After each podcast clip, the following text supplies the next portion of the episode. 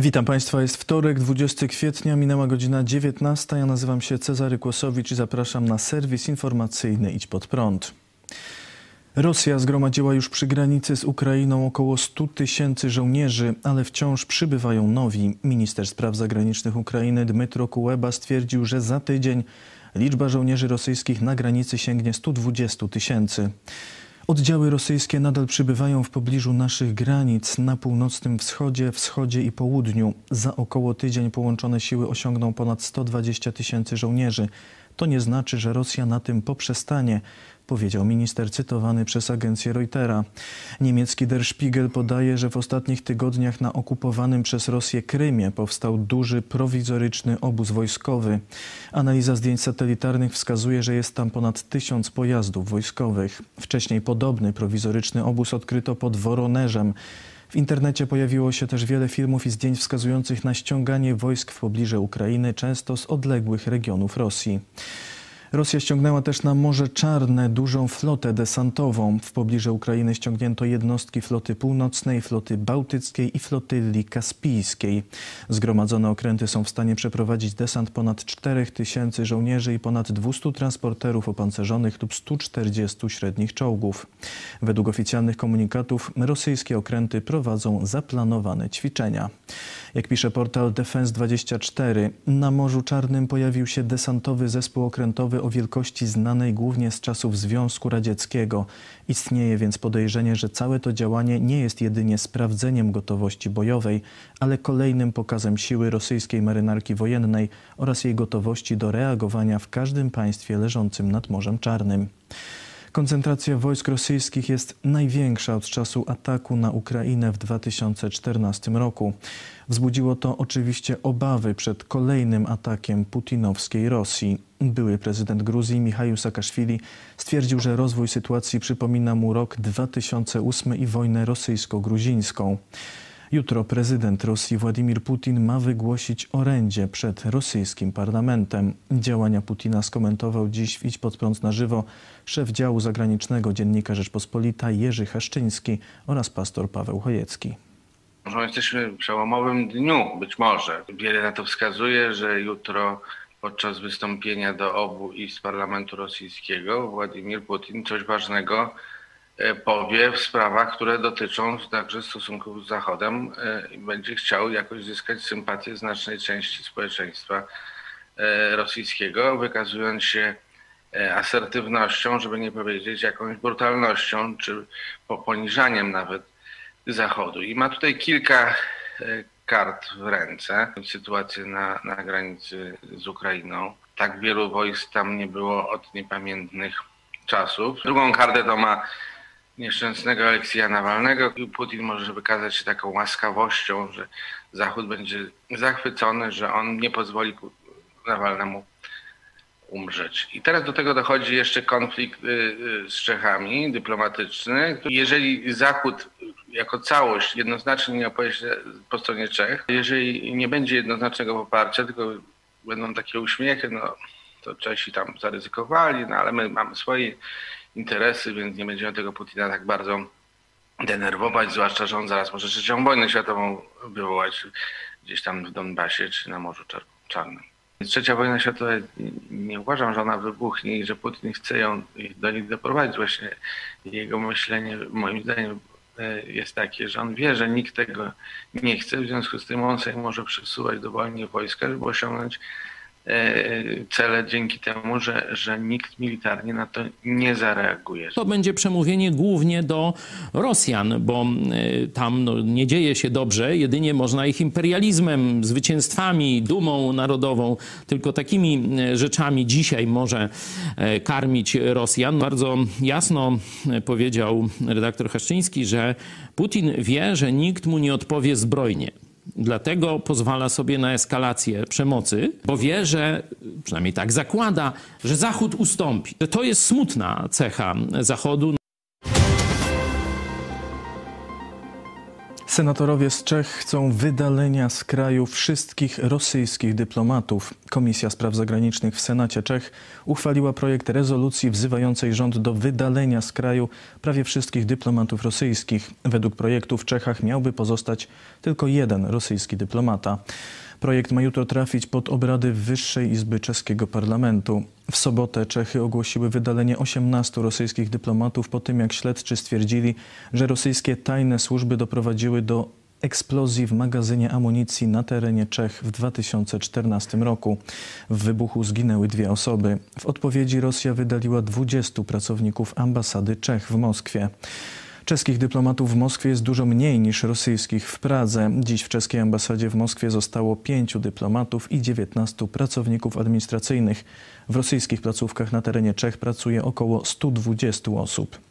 Działania Czech poparły Polska, Stany Zjednoczone i Wielka Brytania oraz przedstawiciel Unii Europejskiej. Szef unijnej dyplomacji Josep Borrell oświadczył, że Unia solidarnie stoi po stronie Czech. Jednak ocenił, że nie dojdzie do skoordynowanej akcji wydalania dyplomatów, jak to miało miejsce po próbie otrucia Siergieja Skripala w Wielkiej Brytanii. W Czechach w niedzielę przed ambasadą Rosji protestowała grupa Czechów wznosząc hasła Putin jest mordercą, nic się nie zmieniło oraz Zeman jest zdrajcą. Miloš Zeman to obecny prezydent Republiki Czeskiej znany z przyjaznego i ugodowego stosunku do putinowskiej Rosji, a także do komunistycznych Chin. Prezydent Czech jak dotąd nie wypowiedział się w sprawie udziału rosyjskich służb w wysadzeniu czeskiego składu amunicji. Ubiegłej nocy na ścianie praskiego zamku, który jest siedzibą prezydenta, pojawił się świecący napis Zdrada stanu. Organizacja Powstrzymajmy Zdradę Stanu ogłosiła, że jest to apel do parlamentarzystów o postawienie prezydenta przed sądem. Miloš Zeman jest agentem wrogiego kraju, który napadł na Republikę Czeską i zabił obywateli czeskich. Wzywamy parlament do działania i oskarżenia prezydenta o zdradę stanu. Resztę oceni sąd, napisano w komunikacie. Zeman wspierał m.in. współpracę z Rosją przy budowie nowego bloku w elektrowni atomowej w Dukowanach. Wczoraj wicepremier, minister przemysłu i handlu Karel Hawliczek przekazał, że Czechy nie będą współpracować w tej sprawie z Rosatomem. Wcześniej z udziału w przetargu wykluczono też firmy z komunistycznych Chin. W przetargu najprawdopodobniej będą uczestniczyć firmy ze Stanów Zjednoczonych, Francji i Korei Południowej. Ostateczną decyzję ma podjąć rząd uformowany już po najbliższych wyborach parlamentarnych, które mają się odbyć w Czechach w październiku. 601 osób zmarło w ciągu ostatniej doby z powodu chińskiego koronawirusa, podało dziś Ministerstwo Zdrowia. Łącznie z powodu wirusa zmarło już w Polsce ponad 62 700 osób. Stwierdzono ponad 9200 nowych zakażeń wirusem. Liczba łóżek szpitalnych zajętych przez osoby zakażone wzrosła od wczoraj o 300 do poziomu 31 900. Liczba respiratorów wykorzystywanych do leczenia zakażonych jednak kolejny dzień spada i obecnie wynosi 3200. 287. W Polsce jest ponad 6 milionów, już ponad 6 milionów 690 tysięcy osób otrzymało szczepionkę przeciw koronawirusowi. 2 miliony 300 tysięcy osób otrzymało dwie dawki. Minister Michał Dworczyk przedstawił dziś zmiany w harmonogramie rejestracji na szczepienia. Do soboty realizujemy e, program przedstawiony Państwu e, dwa tygodnie e, temu. Od poniedziałku przyspieszamy, od poniedziałku będziemy rozpoczynali rejestrację każdego dnia dwóch roczników. W związku z tym zaczynamy rocznik 74, 75 w poniedziałek 26 kwietnia i później kolejne roczniki aż do 7 maja. 7 maja, 8 maja i 9 maja e, będziemy uruchamiali po trzy roczniki. E, to są najmłodsi e, Polacy, którzy mogą się szczepić i 9 maja de facto od 9 maja już wszyscy będą mieli wystawione e-skierowania, wszyscy będą mogli się rejestrować na E, kolejne, e, na kolejne terminy, konkretne terminy szczepień. Na całym świecie z powodu wirusa z komunistycznych Chin zmarły już 3 miliony 47 tysięcy osób. Tylko wczoraj zmarło prawie 10 tysięcy zakażonych. W 2020 roku we Włoszech zmarło tyle osób, co podczas II wojny światowej, oświadczył wczoraj Giancarlo Blangiardo, prezes włoskiego Urzędu Statystycznego. Przemawiając przed komisjami do spraw budżetu obu izb parlamentu w Rzymie, Blangiardo powiedział, że w ubiegłym roku liczba zmarłych we Włoszech gwałtownie wzrosła. Przez cały 2020 rok zmarło ponad 740 tysięcy osób. Taką liczbę znajdziemy w historii Włoch tylko w latach 1942, 43 i 44, zaznaczył Blangiardo. Węgry ogłosiły, że liczba stwierdzonych dziś zakażeń koronawirusem jest najniższa od dwóch miesięcy, kiedy rozpoczęła się trzecia fala epidemii w tym kraju. Zgłoszono ponad 1600 nowych zakażeń. W poniedziałek weszły w życie kolejne luzowania obostrzeń epidemicznych, otwarte zostały przedszkola i pierwsze klasy szkół podstawowych. Czechy nie chcą Sputnika. Wicepremier i minister spraw wewnętrznych Czech Jan Hamaczek ogłosił, że w związku z ostatnimi wydarzeniami na linii Czechy-Rosja rząd Czech podjął decyzję o rezygnacji z rozmów z Rosją w sprawie zakupu szczepionki Sputnik V. Jak dodał, Praga skupi się na szczepionkach zatwierdzonych przez Europejską Agencję Leków. W poniedziałek czeski minister zdrowia Petr Arenberger powiedział, że resort zdrowia zwrócił się do Moskwy o przekazanie całej dokumentacji potrzebnej do wydania zezwolenia do stosowania szczepionki w Czechach. Dokumentacji tej jednak nie otrzymał. Departament Stanu USA wydał nowe sugestie dotyczące podróżowania. Odradza wyjazdy do 80% państw świata, w tym Polski, ze względu na bardzo wysokie ryzyko epidemiczne. Przy opinii na temat poszczególnych państw pod uwagę brane były informacje Centrum Kontroli i Prewencji Chorób. Do tej pory większość państw oznaczona była jako należąca do trzeciej grupy w skali ryzyka, opatrzonej zaleceniem przemyśl wyjazd. Obecnie 80% państw świata należy do czwartej, ostatniej grupy najwyższego ryzyka. Pandemia COVID-19 nadal stanowi bezprecedensowe ryzyko dla podróżnych. W świetle tych ryzyk Departament Stanu usilnie zaleca, by obywatele USA zrewidowali wszelkie podróże zagraniczne, czytamy w komunikacie. Stany Zjednoczone przyspieszyły kampanię szczepień przeciw koronawirusowi. We wszystkich stanach USA możliwe jest już otrzymanie szczepionki przez każdego obywatela powyżej 16 roku życia. W Indiach padają kolejne rekordy epidemiczne. Każdego dnia władze indyjskie przekazują informacje o ponad 250 tysiącach nowych zakażeń, co oznacza, że co czwarte zakażenie zdiagnozowane na świecie jest stwierdzane właśnie w tym kraju. W stosunku do poprzedniego tygodnia liczba zakażeń i zgonów wzrosła tam o ponad 60%. W stolicy Indii, mieście Delhi, od dzisiaj obowiązuje ścisła kwarantanna. Szef władz regionu, Arvind Kejriwal stwierdził, że lokalna służba zdrowia jest na granicy wytrzymałości. Rząd Indii wydał pozwolenie na sprzedaż szczepionek przeciw koronawirusowi na otwartym rynku. Ma to być motywacją dla producentów preparatów do zwiększonej produkcji i dzięki temu przyspieszonego procesu szczepienia indyjskiego społeczeństwa.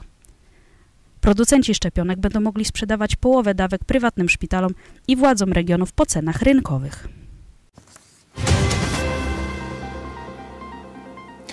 Wyciekły dane tysięcy funkcjonariuszy państwowych. Jak informuje portal niebezpiecznik.pl w łatwo dostępnym serwisie do wizualizacji danych ArcGIS zamieszczono plik z danymi osobowymi ponad 20 tysięcy polskich policjantów, celników, pracowników Służby Ochrony Państwa, Służby Więziennej, Straży Miejskiej, Straży Pożarnej, Administracji Skarbowej, Inspekcji Transportu Drogowego i Służby Ochrony Kolei.